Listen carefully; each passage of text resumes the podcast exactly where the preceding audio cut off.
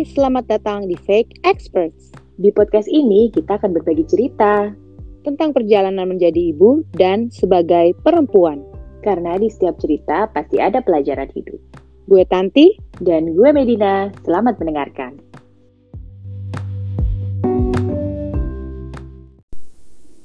Hai, senang banget di episode kita kali ini kita kedatangan tamu yang sangat spesial, Ibu Tuti Indrawati seorang psikolog, certified MBTI practitioner, certified coach, dan director di Iradat Konsultan. Hai Ibu, ya. apa kabar?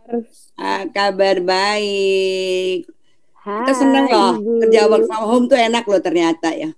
Iya, senang banget. Enak kita libur nggak bayar parkir gedung. iya benar. Enak ya. Iya iya iya. Bayar listrik tapi agak mahal sama wifi nambah kuota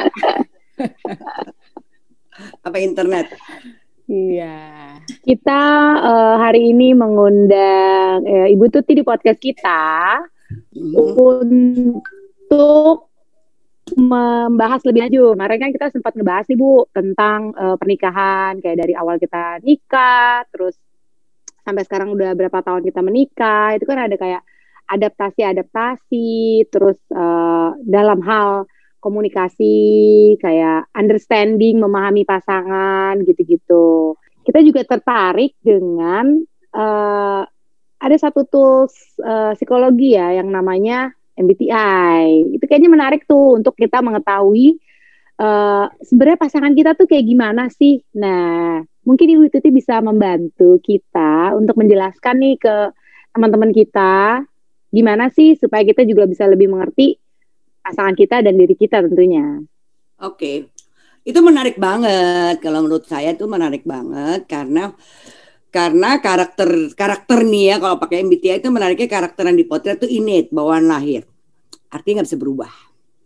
Hmm. Challenge kan kalau nggak bisa berubah. Sementara kan kalau pasangan kan pengennya dia harus kayak yang gue mau, gitu, yang kayak saya mau. Itu kan challenge-nya utama. Problemnya muncul dia harus jadi seseorang yang seperti yang saya mau gitu. Nah kalau namanya init nggak bisa berubah, pengen saya mau kira-kira apa yang akan terjadi gitu kan? Terjadilah pemaksaan-pemaksaan yang uh, membuat akhirnya muncul konflik-konflik atau dan karena perbedaan itu juga kadang-kadang muncul surprise-surprise yang mengejutkan. Loh ternyata loh kok begini. Kayaknya dulu waktu PDKT oke okay hangat, ramah, penuh perhatian. Gilian nikah, cuek. Diajakin ngomong, sekarang nggak denger, nggak meni, nggak menanggapi. Sementara dulu waktu pacaran kayaknya setiap kali ngobrol kita jadi pusat perhatian. Nah kayak gitu-gitu kan kadang-kadang juga ada muncul kejutan-kejutan baru di uh, di luar kebiasaan-kebiasaan yang mungkin muncul ini juga uh, based on karakteristik pribadi dari MBTI juga bisa kelihatan. Nah itu kayak gitu tuh misalkan dari yang ini deh, dari yang attitude aja deh yang paling kelihatan, extrovert, introvert. Kayaknya sih sederhana ya extrovert, introvert. Uh, tapi kalau MBTI ngeliat extrovert, introvertnya beda ya, bukan dari orang yang terbuka, tertutup, tapi lebih uh, extrovert itu energi. Orang extrovert energi dari luar. Hmm. Berarti kan interaksi butuh tuh. Kalau kita ngomong kan butuh ditanggapin nggak bisa tuh dia ngomong nggak ada tanggapan tuh interaksi dari uh, dengan dunia luar tuh jadi penting. Sementara orang introvert interaksi ke dunia luar melulu itu bukan sumber energi dia. Sumber energi dia kalau dia sendiri, dia mikir, dia merenung itu sumber energinya. Bisa kebayang nggak pasangan ekstrovert sama introvert satu rumah? Oh ya. bisa bu, bisa, itu terjadi gitu. loh. Eh, terjadi kan, di, dan itu ya. banyak banget yang saya perhatiin tuh banyak banget tuh pasangan ekstrovert ketemu introvert. Kalau dilihat dari sisi uh, perjodohan mungkin ya karena dua-duanya kita punya sebetulnya orang ekstrovert punya introvert, orang introvert juga punya ekstrovert. Jadi kalau lihat jadi perjodohan kenapa orang ekstrovert ketemu introvert mungkin lebih supaya si ekstrovert latihan introvert supaya bisa balance si introvert juga latihan ekstrovert. Tapi masalahnya kalau nggak ngerti kira-kira apa sih yang ditangkap orang ekstrovert kalau suami lagi pengen dapat energi dia mungkin lebih sendiri uh, lebih bengong sendiri kayak mikir ditanyain apa nggak langsung jawab mikirnya lama Nah, kalau baru awal kawin kan kok kayaknya nggak perhatian sih nih orang gitu, mikirnya gitu. Gak peduli gitu ya, cuek banget gitu kan. Iya. Sayang nggak sih sebenarnya gitu. Uh, ini sebenarnya niatnya kawin pasti kalau begitu udah kawin udah dapet kok langsung dicuek begitu udah ijab kabul kenapa jadi berubah langsung berubah. Nah itu dia beru dia betulnya selama pacaran itu mungkin dia yang berubah gitu. Jadi dia make yang bukan aslinya dia yang uh, bawaannya lahirnya dia ya. introvert. uh, jadi dia lebih karena dia punya dua-duanya dia bisa pakai kan ekstrovertnya demi untuk dapat si incerannya dia ini nih yang dia mau. Yang dia kejar ini kan. Kita namanya ngejar sesuatu kan apa pun kita lakukan kan. Walaupun saya introvert habis sampai rumah mungkin dia menggeng ngunci diri di kamar. Berhari-hari untuk get energi lagi uh, kan gak ada yang tahu gitu loh. Cuman waktu dia menggunakan yang bukan preferensinya itu yang bukan pilihan bawaan lahir itu ya biasanya cepet capek gitu. Itu mungkin yang terjadi ya. Uh, sebaliknya sebaliknya buat orang introvert lihat pasangannya ekstrovert, duh ini orang berisik banget sih annoying gitu dia ngerasa mengganggu. nah karena terganggu terus kalau nggak ngerti kan terganggu terus sama yang perempuan eh yang pasangan yang mau laki atau perempuan itu yang berusaha ngobrol terus kan jadi membuat dia ngerasa terganggu kira-kira kalau orang terganggu responsnya apa sih? Ngomel judes atau mungkin ngomongnya agak kasar. Nah biasanya tuh muncul tuh konflik-konflik kalau nggak ngerti. Sebetulnya kalau dipahami sih kita bisa perhatiin ya kebiasaan-kebiasaan dia seperti apa. Lihat aja kalau orang ekstrovert tuh ya sebetulnya gampang perhatiinnya kalau kumpul di antara keramaian itu jarang tuh dia mau misah atau ke kamar lama tuh enggak tuh. Pasti dia ngerasa tertarik tuh ada keributan orang ngobrol balik pengen ikut ngobrol. Sementara kalau orang introvert bisa aja tuh. Lagi ada saudara kumpul terus dia mingser ke kamar tidur. Itu bisa tuh. Orang introvert nggak mungkin ada keributan di luar. Dia uh, nggak muncul. Itu bisa dilihat dari situ. Entah dia aktif atau tidak ikut terlibat ngobrol orang ekstrovert di antara keramaian udah cukup. Sementara orang introvert enggak Nah dari situ aja. Berarti ini bisa mengklirkan ibu ya, sorry motong. Jadi uh, kadang kalau misalkan di acara keluarga mungkin ada istrinya atau suaminya yang introvert, terus terkesan kayak sombong banget sih gitu baru sebentar yeah. udah masuk ke kamar itu mungkin karena yeah. energinya habis ya. Iya, kalau kita nggak ngerti kan mikirnya keluarganya juga mikirnya kenapa sih ini istri kamu itu banget sih nggak perhatian, cuek, nggak peduli tapi sumpah mati mungkin dia udah energi udah habis banget udah bener-bener ya kalau energi habis kan dia butuh istirahat kan gitu. Sementara si ekstrovert makin seru gitu ya. Jam tiga pagi juga hajar bleh nggak masalah gitu. Sementara buat orang introvert kan butuh kesendirian untuk dapat energi. Nah kalau ini nggak dipahami kan bisa kok dia sama keluargaku gitu, kok dia nggak peduli, nggak perhatian. Terus kalau terus-terusan itu kan bisa nggak dipahami kan bisa berkepanjangan sehingga menimbulkan uh, kesan tersendiri atau persepsi atau penilaian tersendiri terhadap pasangannya. Belum nanti kompor keluarganya. Gila eh pas suami lo lah bini lo ya istri kamu tuh ya nggak sopan banget sih. Ada tamu tidur. Nah kalau nggak ngerti bisa begitu gitu. Tambah kompor tambah lagi judgementnya berkembang. Itu dari sisi itu aja udah luar biasa challenge-nya. Iya iya iya, ya, iya. Kalau ditanya, ditelepon, ditanya apa, mungkin nggak langsung jawab lama, dia, karena dia mikir dulu kan kalau orang introvert. Kalau extrovert kan baru-baru mikir, mungkin kadang mikirnya. Kali kita pelosan kita nggak mikir. Karena orang introvert kalau mau ngomong apa, milih makanan, dia mikirnya lama. Ayo. Apa ya, apa ya lama gitu. Itu mungkin suka terjadi, suka bikin kesal juga orang extrovert buat orang introvert ini orang sering banget sih melakukan kesalahan-kesalahan yang karena nggak mikir gitu. Karena orang introvert kan selalu mikir dulu sehingga apa yang dia lakukan itu udah berdasarkan pemikiran, nggak secara spontan aja. Tuh kira-kira dari sisi itu aja udah bermasalah. Itu dari sisi attitude ya, belum dari sisi komunikasi. Nah, penting juga nih. Nah, ya. itu kan tulalit dan cilakanya jarang banget Lalit. pasangan itu yang punya preferensi yang dipakai buat komunikasi kan ada preferensi. Kalau di MBTI kan ada extrovert, introvert. Itu dalam hal energi. Terus dalam hal uh, informasi yang dipakai komunikasi kan informasi bisa. Ada yang sensing pakai panca indera. Means butuh data kan fakta. Ya namanya panca indera kan yang langsung dialami. Sama yang orang N intuition. Itu kan pakai asumsi indera keenam pakai intuition jadi belum tentu ada fakta datanya. Jadi dia bisa aja menjadi topik tuh sesuatu yang sifatnya eh, nggak uh, fact based gitu ya. Lebih intuisi dia yang ngomong ngomong asumsinya. Wah ini paling uh, paling seru nih kalau hal ini perbedaan ini. Jadi kebayang nggak ya? Orang N itu kan bicara asumsi. Ya uh, kadang imajinasi kadang uh, ramalannya dia ya antisipasi gitu ya nah sementara orang sensing itu kan gaya komunikasi data fakta jadi apa yang didengar itu jadi fakta Padahal ini ngomongnya asumsi. Nah, si si si orang sensi ini menganggap si asumsinya orang N itu sebagai fakta. Dia cari dong. Oke, misalkan di mana sih itu ya? Kayaknya di sini deh. Misalkan, oh kayaknya aku misalkan beli di mana sih ini? Oh kayaknya aku belinya di hmm, disebutlah sama toko. Padahal dia asumsi dia aja, dia juga nggak inget betul. Nah buat orang sensing itu kan jadi pegangan. Oh di sini bener lah dia menuju tempat yang disebut oleh pasangan tadi. Dia cari Merasa sampai pintu nggak ya? ada, nggak ada. Terus dia gimana sih kata kamu di sini?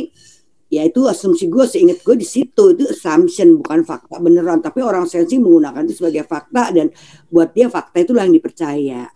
Itu itu udah seru. Nih ada lagi kan sensing itu kan bawaannya ngurut kalau informasi itu kan dia urut sebab uh, diurut uh, satu, kedua, ketiga gitu dari depan ke belakang tuh berurut biasanya dia mengumpulkan informasinya.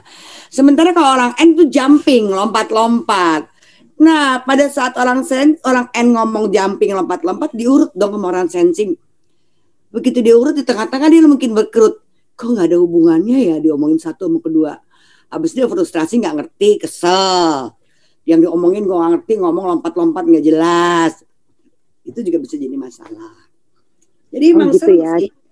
Jadi atau terkesan kadang terkesan nggak mendengarkan nggak sih bu kayak misalnya mungkin pasang salah satu pasangannya sensing kemudian salah satunya lagi intuition terus kita lagi ngobrol. Terus habis itu kayak ah suka ada tuh. Kayak aku pernah ngalamin nih gitu. Uh, kayak aku lagi ngomong apa gitu ya dia, terus tiba-tiba dia ngomong di hal yang lain gitu. Kok kayak nggak nyambung ya? Atau mungkin karena misalkan pasanganku ternyata intuition gitu jadi pikirannya udah ke mana bukan dia tidak mendengarkan. Bisa jadi gitu juga gak sih? Oh iya iya itu dia. Begitu dia dia kan dengerin mungkin dia dengerin dengerin terus kemudian dia punya asumsi lain. Misalkan ada contoh nih teman saya nih. Kan dia lagi suami istri nih S dan N. Jalan-jalan ke puncak nih ngobrol ih seru ya bagus ya dingin enak gitu. Si istrinya orang sensing. Terus suaminya bisa-bisa itu di jalan tiba-tiba nih kayak gini di Jakarta bisa banjir. Sementara itu lagi panas ereng-ereng ya matahari lagi bersinar dengan terangnya suaminya bisa ngomong kayak gitu. Si istri kan bingung kita lagi menikmati kayak udaranya enak gini eh, nggak uh, ada hujan kok dia bisa ngomong banjir. Nah kalau nggak dicek kan dia sebel kan? Dia orang ngomongnya ke mana sih? Tuh, tuh, tuh, tuh ngomong banjir Iya lo lihat aja tuh semua jadi bangunan udah nggak ada lagi tanaman udah nggak ada itu Jakarta bisa banjir nih kalau kayak gini. Jadi orang N tuh bisa mikirnya jauh ke depan ya, lompat. It's okay. Sebenarnya kalau orang S yang ada di depan mata ya dinikmati, hmm. lihat kiri lihat kanan, ya just fokus di yang apa yang dilihat saat itu gitu. Sementara orang N dia lompat ke analisanya uh, luas gitu ya bu ya uh, memang buat orang N tuh senang melihat sesuatu dari eh, spektrum yang luas. Kalau orang N S tuh memang lebih detail, uh, lebih spot-spot uh, yang memang uh, bisa di spot-spot uh, yang memang yang tertangkap dengan panca indera gitu. Tapi dari Seru pengalaman tuh, kalau, ibu, ini enggak ada hubungannya sama gender nggak bu? enggak, enggak. Uh, kalau kalau yang di MBTI nggak ada hubungan sama gender ya. Bisa ada pria yang N, bisa ada uh, perempuan yang S. Yang jelas orang sensi itu biasanya lebih detail hmm. ya. Terus lebih uh, lebih mengandalkan pengalaman. Sementara orang N nggak ngalamin itu bisa cerita kayak dia ngalamin gitu. Kebayang nggak orang sensi dengerin begitu percayanya si orang N cerita, padahal itu cuma imajinasi dia gitu ya.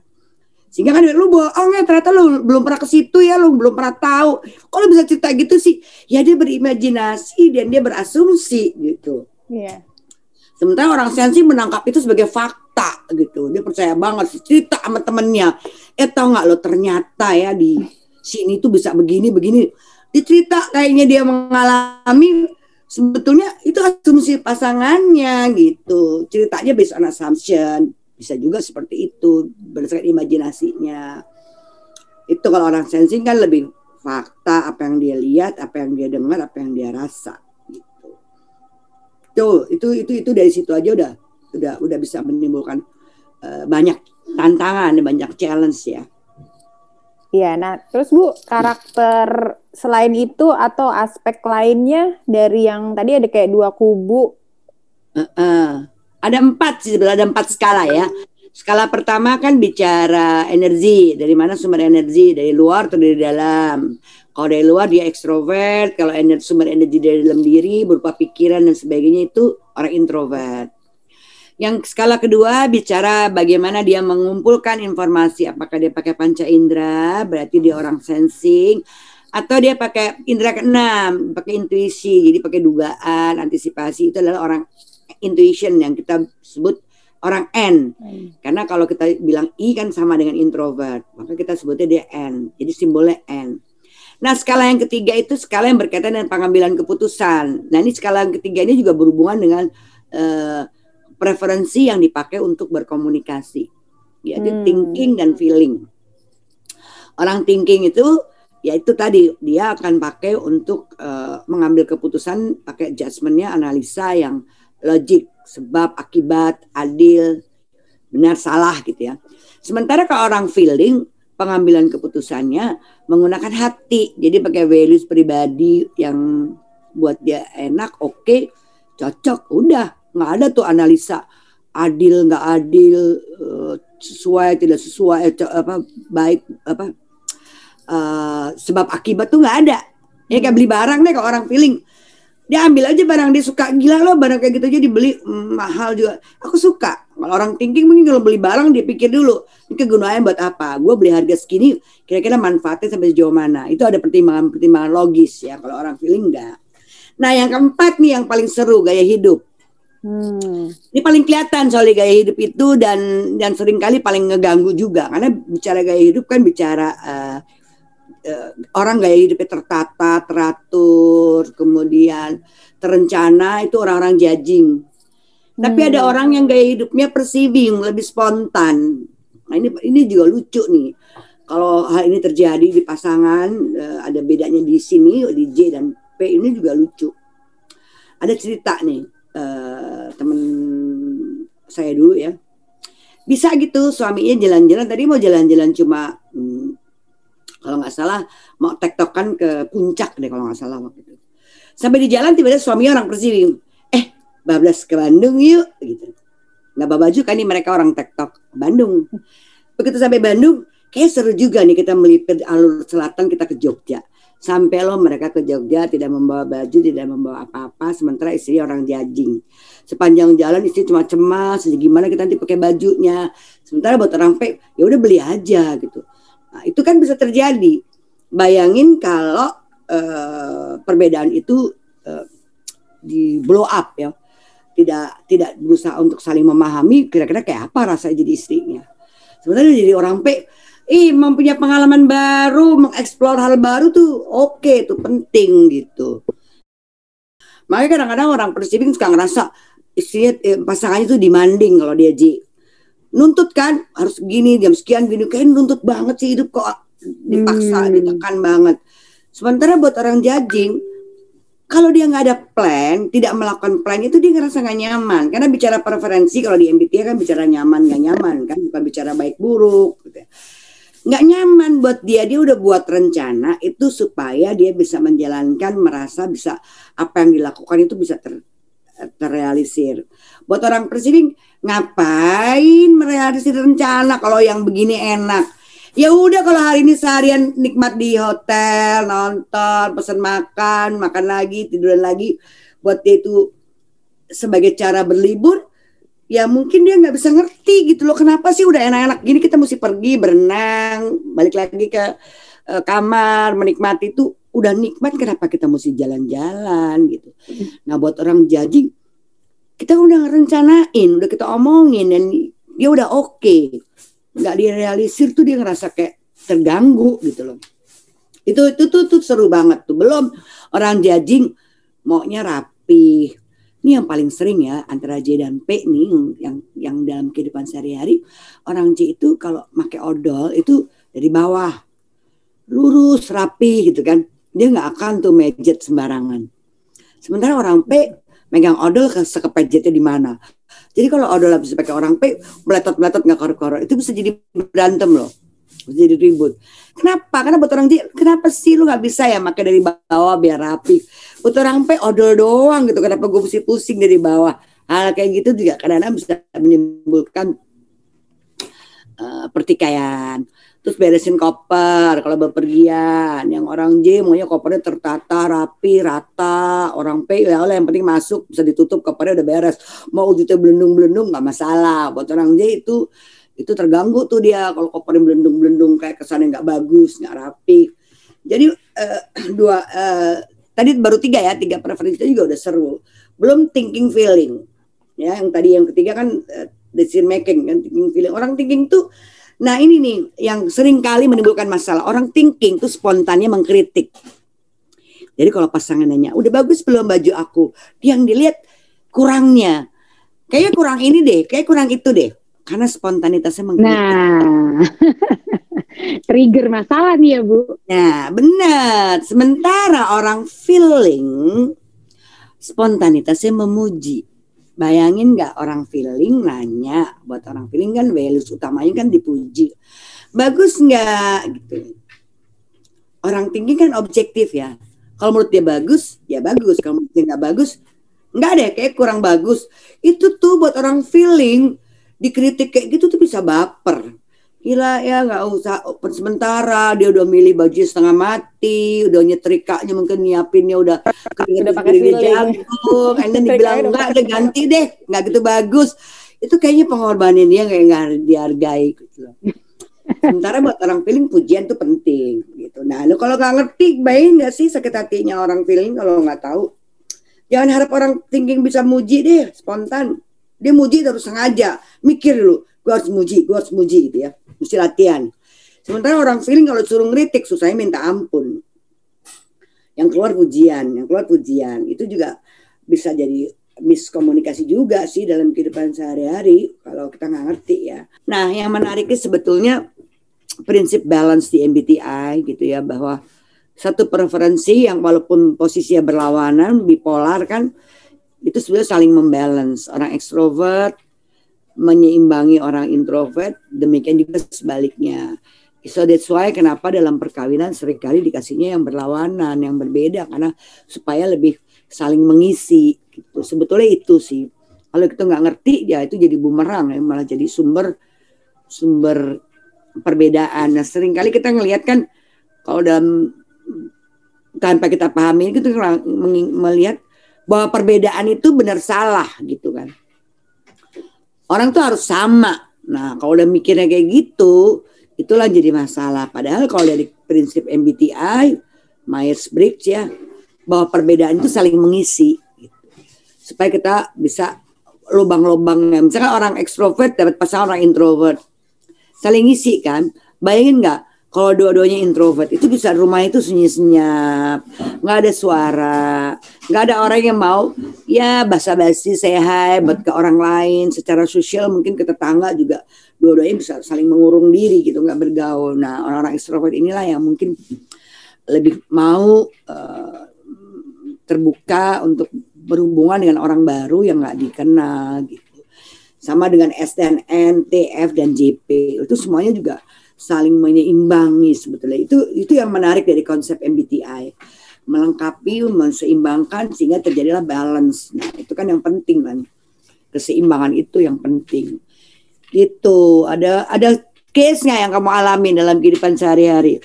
Oh banyak. Banyak sekali. Cuma pengen uh, ini sih bu. Tadi kan berarti intinya juga kita harus melihat satu perbedaan kepribadian pasangan kita itu uh, sebagai sesuatu yang ya kita harus coba untuk mengerti gitu ya, uh, ya. supaya hubungan kita bisa uh, mungkin konfliknya nggak sebanyak seharusnya gitu kalau kalau kita nggak ngerti gitu kan. Tapi mm -hmm. uh, ada tips lain nggak sih Bu untuk mungkin pasangan-pasangan yang baru menikah gitu dua tiga tahun menikah gitu tapi kok kayaknya uh, gue konflik terus nih ya gitu. Gimana sih cara untuk kita biar bisa lebih memahami kepribadian pasangan kita? gitu. Apa kita harus sering-sering observe dia? gitu. Ngintip iya. atau gimana tuh? Melihat perbedaan itu bukan salah benar ya. Kadang-kadang kita lihat beda tuh kalau beda tuh salah gitu. Padahal nah. perbedaan tuh saling melengkapi. Nah itu mungkin kuncinya di situ. Sehingga kita bisa mengapresiasi perbedaan orang itu. Karena gini, kalau dilihat dalam kehidupan sehari-hari, kesannya kayak orang judging lebih bagus kan, lebih tertata, lebih teratur, lebih terencana. Kan kesannya lebih positif. Sementara orang perceiving kesannya kayak lebih negatif kan, lebih spontan, mungkin barangnya berantakan, nggak tertata hidupnya gitu.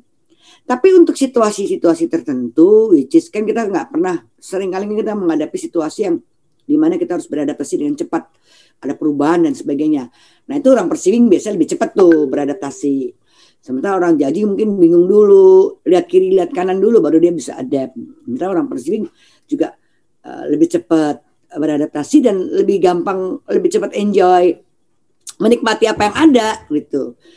Nggak terencana pun dia masih bisa menikmati gitu ya. Sementara orang perceiving orang judging mungkin kalau nggak sesuai dengan perencanaannya mungkin dia nggak gampang untuk menikmati apa yang dihadapi. Nah itu kalau kita melihat itu sebagai saling melengkapi, sehingga kita saling belajar. Oke orang J belajar jadi uh, dari orang P kayak apa sih?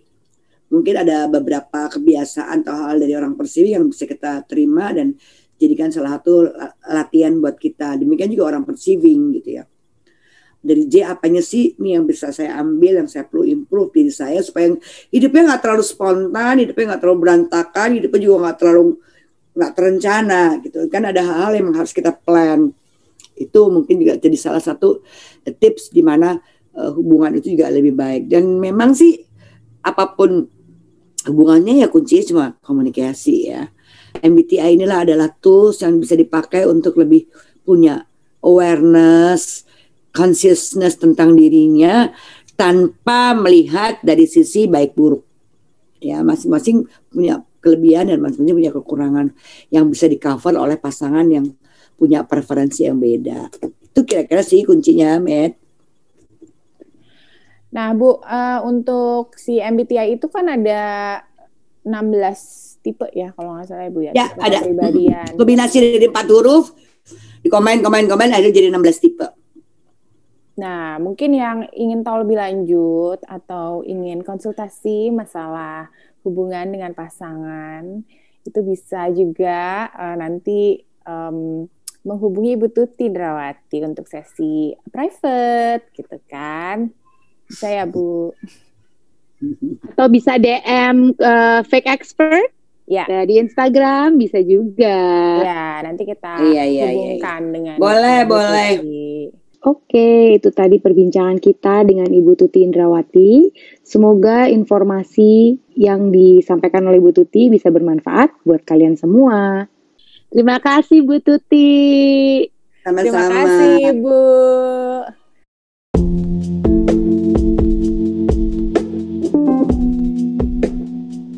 Please subscribe our podcast Fake Experts and follow our Instagram at fake.experts.